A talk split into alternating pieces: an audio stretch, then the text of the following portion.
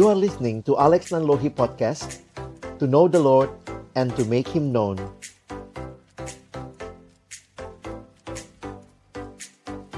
Memandang ke atas kalau ada memandang ke atas, maka pasti juga ada memandang ke bawah. Nah, ini menjadi hal yang menarik karena kalau kita melihat di dalam Alkitab, kedua istilah ini atau kedua pemahaman ini ada di dalam Alkitab juga.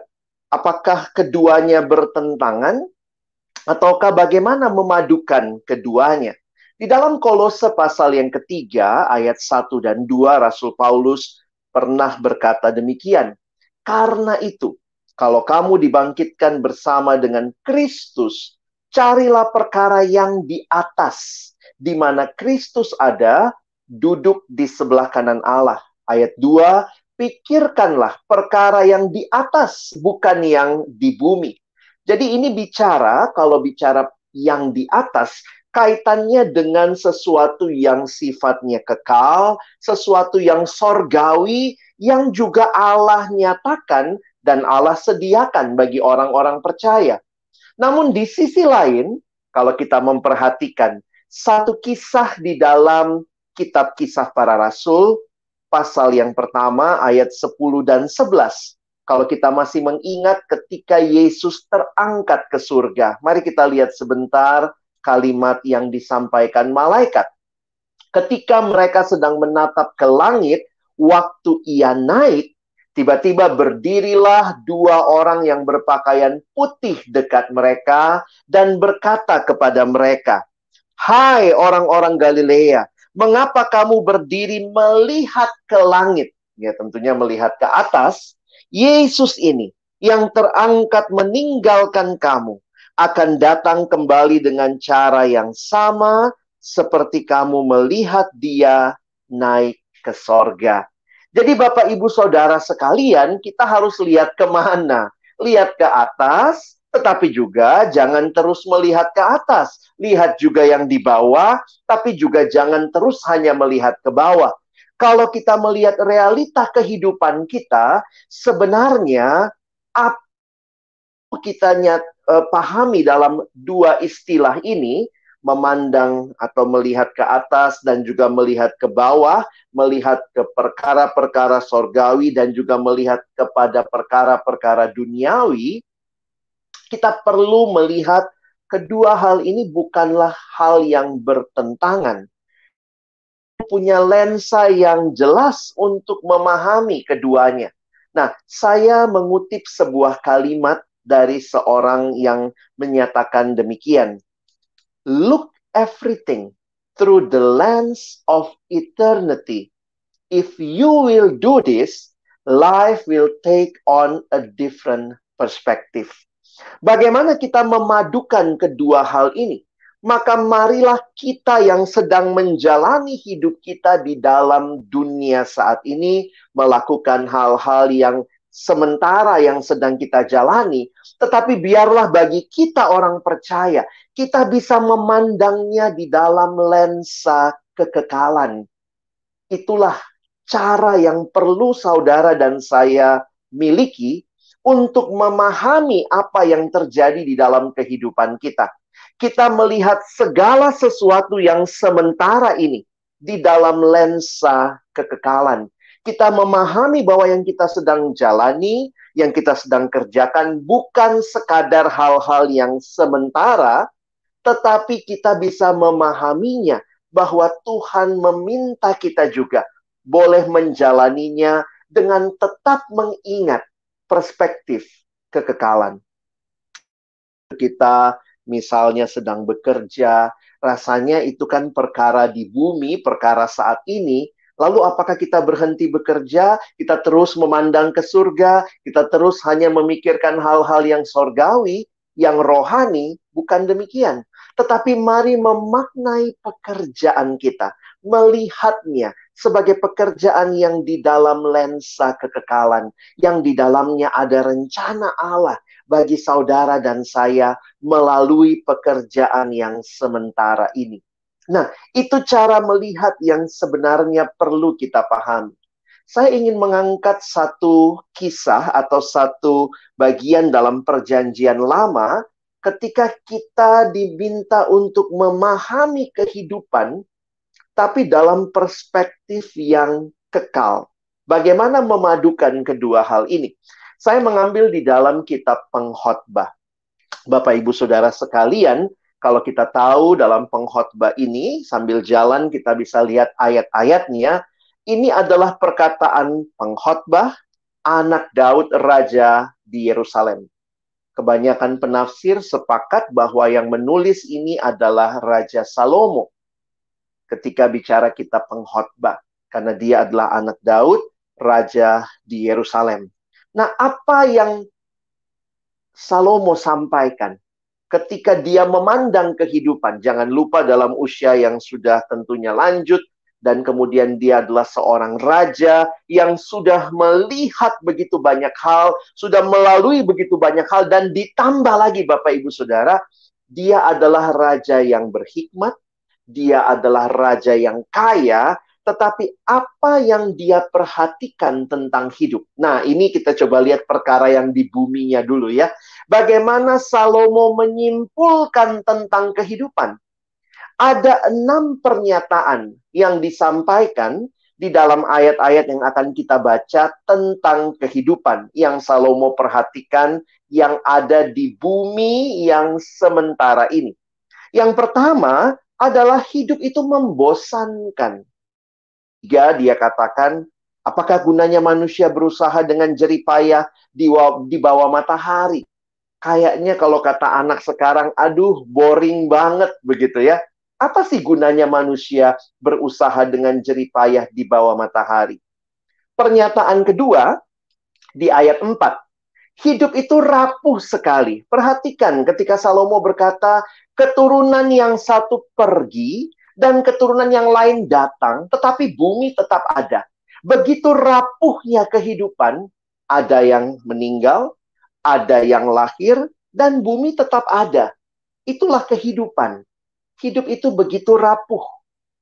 Selanjutnya, Salomo memperhatikan hidup. Bapak Ibu Saudara perhatikan bagaimana Salomo ini pengamat yang ulung ya.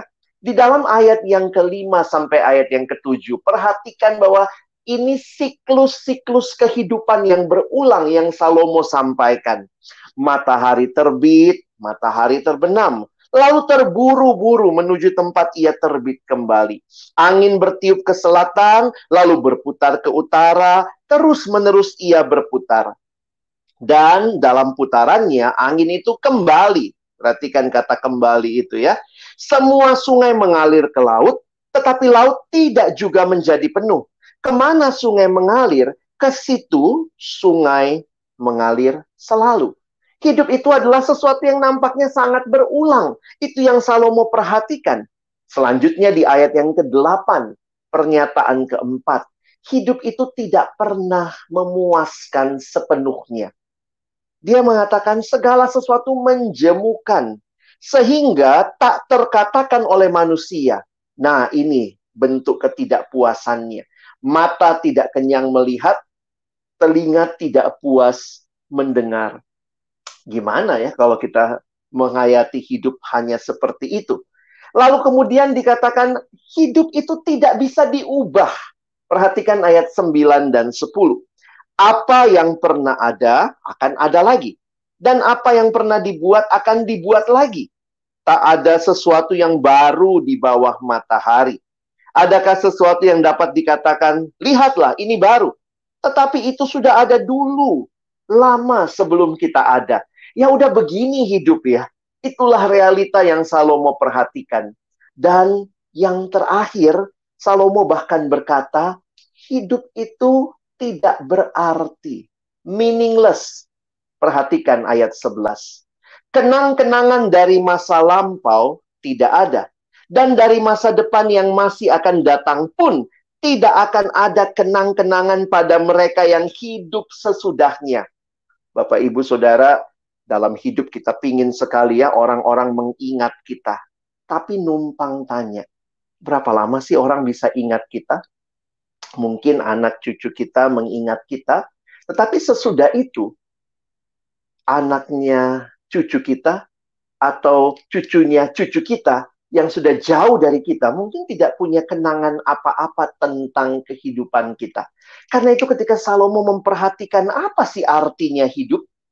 Apa sih hidup yang sedang dijalani? Karena itu kesimpulan yang muncul sepanjang kitab pengkhotbah, dia katakan ada di ayat 2 sebenarnya. Kesia-siaan belaka, kata pengkhotbah, kesia-siaan belaka sebab segala sesuatu adalah sia-sia. Itulah kesimpulan yang kita temukan dalam kitab pengkhotbah yang hanya 12 pasal, muncul 30 kali kata sia-sia. Apa arti hidup? Apakah hidup itu cuma sia-sia?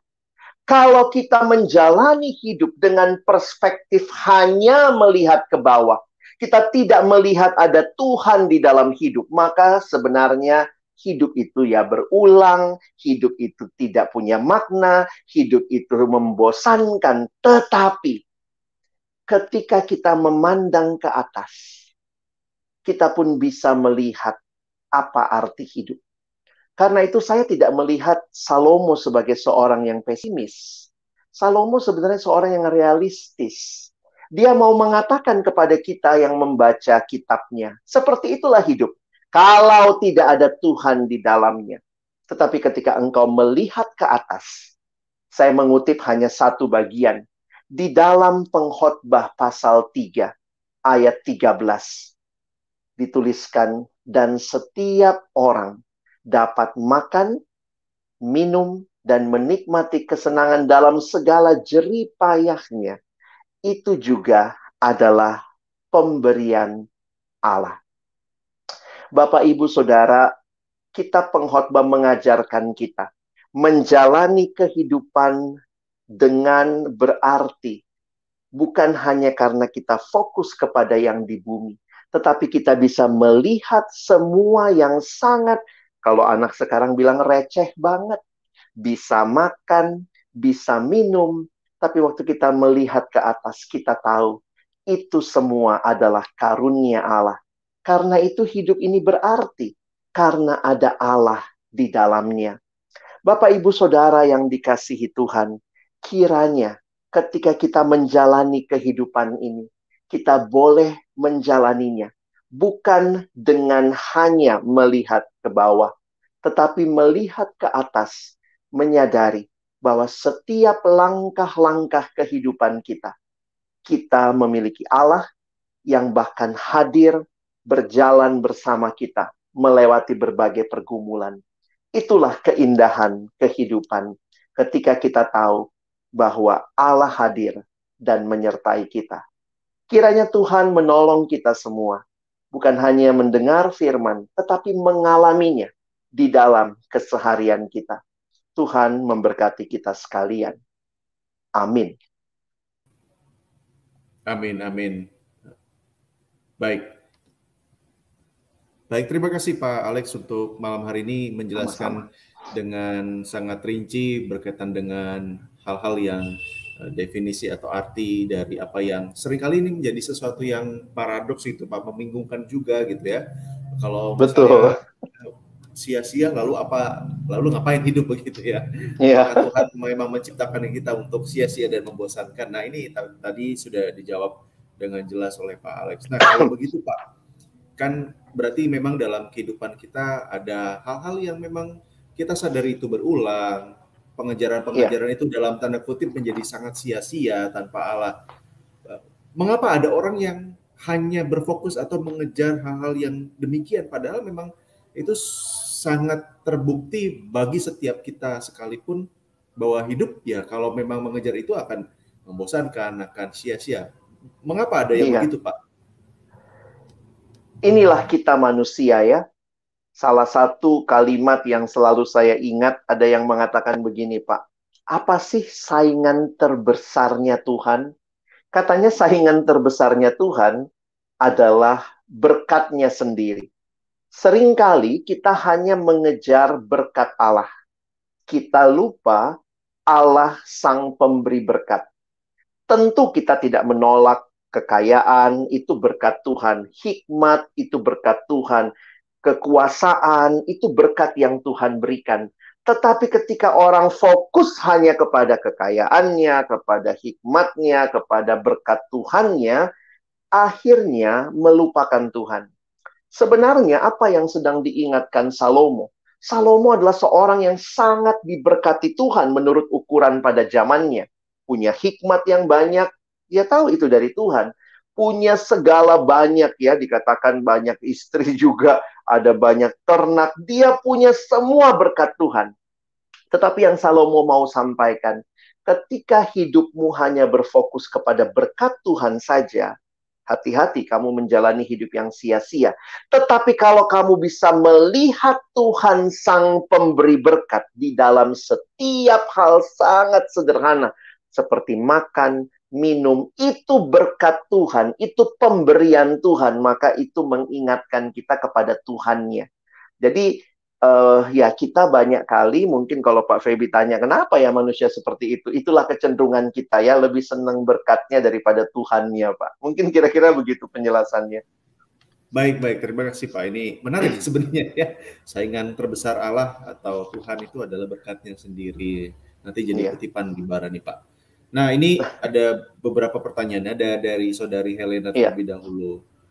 Pak bagaimana bagaimana kita bisa menjadi pengamat yang ulung seperti Salomo Pak memandang segala sesuatu dari sudut pandang Tuhan. Iya. Tadi ya kita balik dengan kecenderungan kita manusia tadi Pak. Hmm. Saya selalu be belajar untuk mengingat gini ya Pak bahwa uh, sebenarnya kalau kita melihat hal-hal yang ada di alam seperti Salomo ya di dalam uh, amsal-amsalnya kadang dia memperhatikan ya belajarlah pada semut dan segala macam. Salomo itu uh, National Geographic banget gitu ya, uh, memahami banyak hal dari alam. Tetapi bagi saya yang menarik adalah dia tahu bahwa Allah yang menciptakan itu dan karena itu dia tidak hanya belajar hikmat dari alam, tetapi dia belajar mengenal siapa Allah yang memberikan hal itu.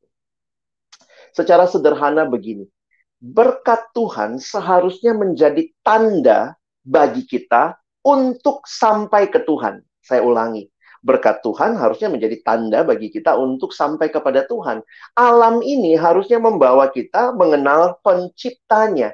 Nah, karena itu seharusnya kekayaan tidak membutakan mata kita, tetapi membuat kita makin mengenal siapa yang memberi kekayaan itu. Sama seperti sign, kalau kita lihat rambu jalan, uh, ya misalnya menunjuk begitu ya, ada rambu yang menunjuk, maka bukan berhenti pada rambunya.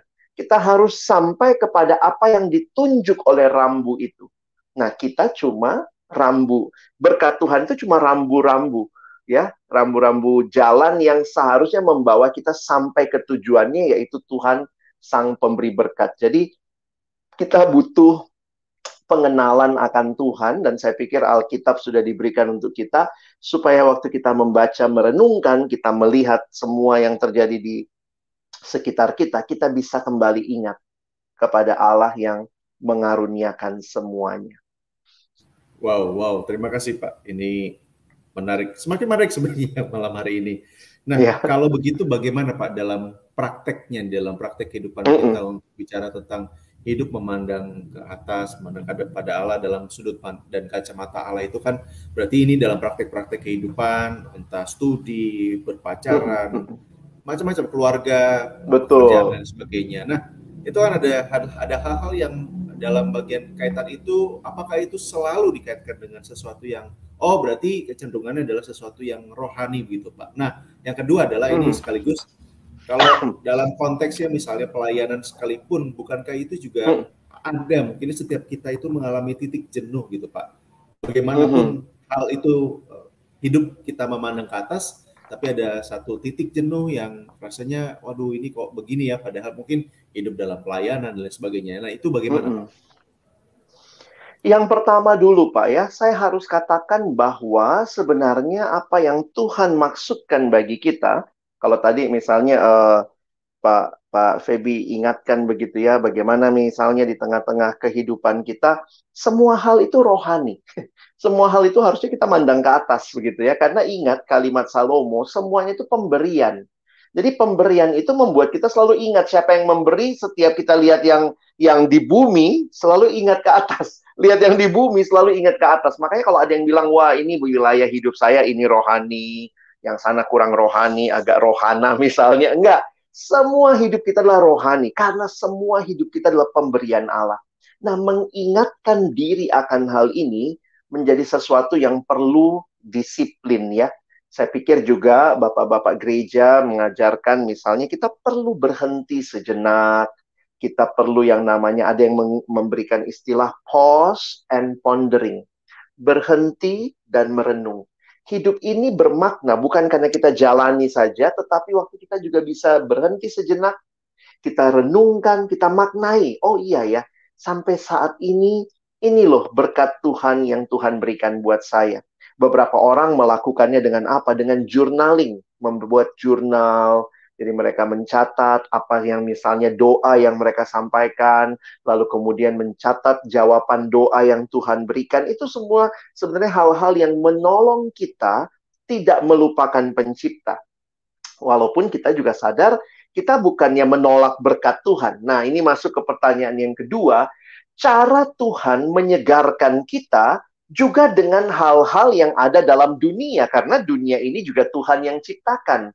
Misalnya, ketika saudara dan saya punya kejenuhan, kita perlu tahu apa yang menyebabkan kejenuhan. Mungkin kita terlalu hektik, kita depan layar terus, maka kita butuh rekreasi misalnya ya. Nah, waktu kita butuh rekreasi, ingat itu bukan hal yang tidak sesuai kehendak Tuhan. Sebagaimana namanya rekreasi, recreation, Allah sendiri menciptakan kita ulang dengan misalnya kita melihat alam yang ada di sekitar kita itu menjadi cara Tuhan menyegarkan kita. Jadi, kalau kita melihat hidup itu menyatu, baik yang di bumi, yang di sorga, semuanya menyatu sebagai berkat Tuhan, maka kita bisa menggunakannya untuk termasuk refresh hidup kita, ya. Jadi saya pikir jangan dikotomi, tetapi mari menyatu sehingga uh, saya beberapa kali ketika melihat kejenuhan atau merasakan kejenuhan ya salah satu caranya adalah melakukan hal yang mungkin tidak biasa kita lakukan karena saking rutinnya kegiatan itu ya entah kita misalnya berekreasi atau kita nonton misalnya itu hal-hal yang Tuhan izinkan supaya merefresh kita kembali. Baik baik ini ini menarik karena mungkin ada orang-orang yang beranggapan bahwa oh berarti kalau tadi ya contohnya menonton itu bukan sesuatu yang rohani jadi nggak boleh dilakukan. Nah Nah itu memang, nah ini masuk ke yeah, yeah. tadi sebenarnya ada pertanyaan lanjutan tapi se sepertinya sudah Pak Alex sampaikan karena ada orang yang yeah.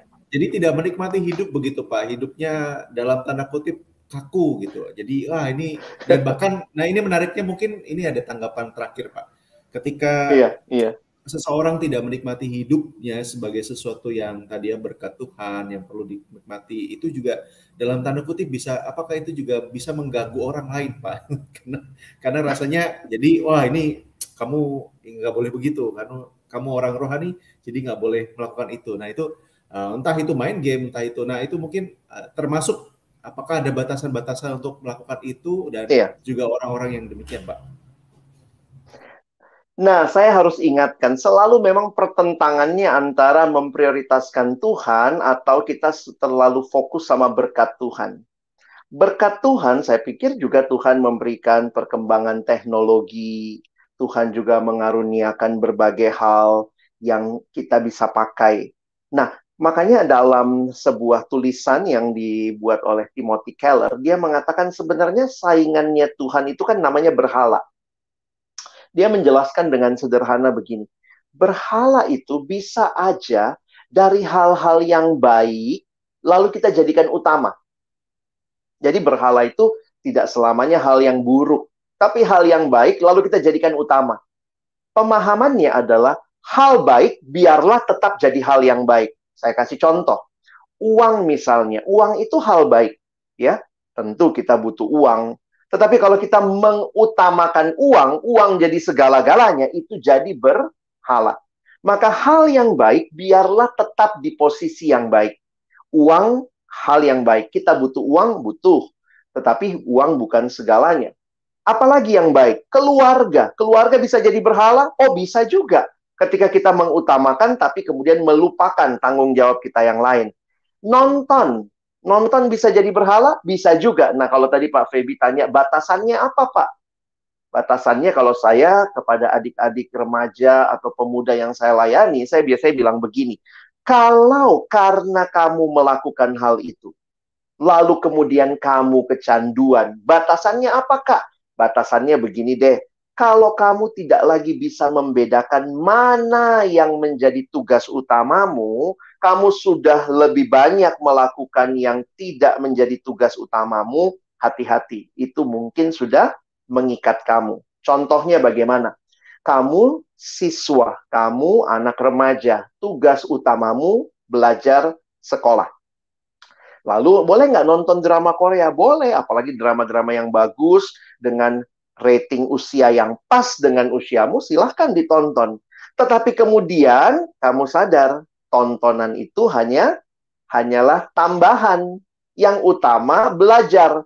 Kalau ternyata jadinya nonton utama, belajarnya yang tambahan, nah kamu sudah kecanduan. Demikian juga dengan main game.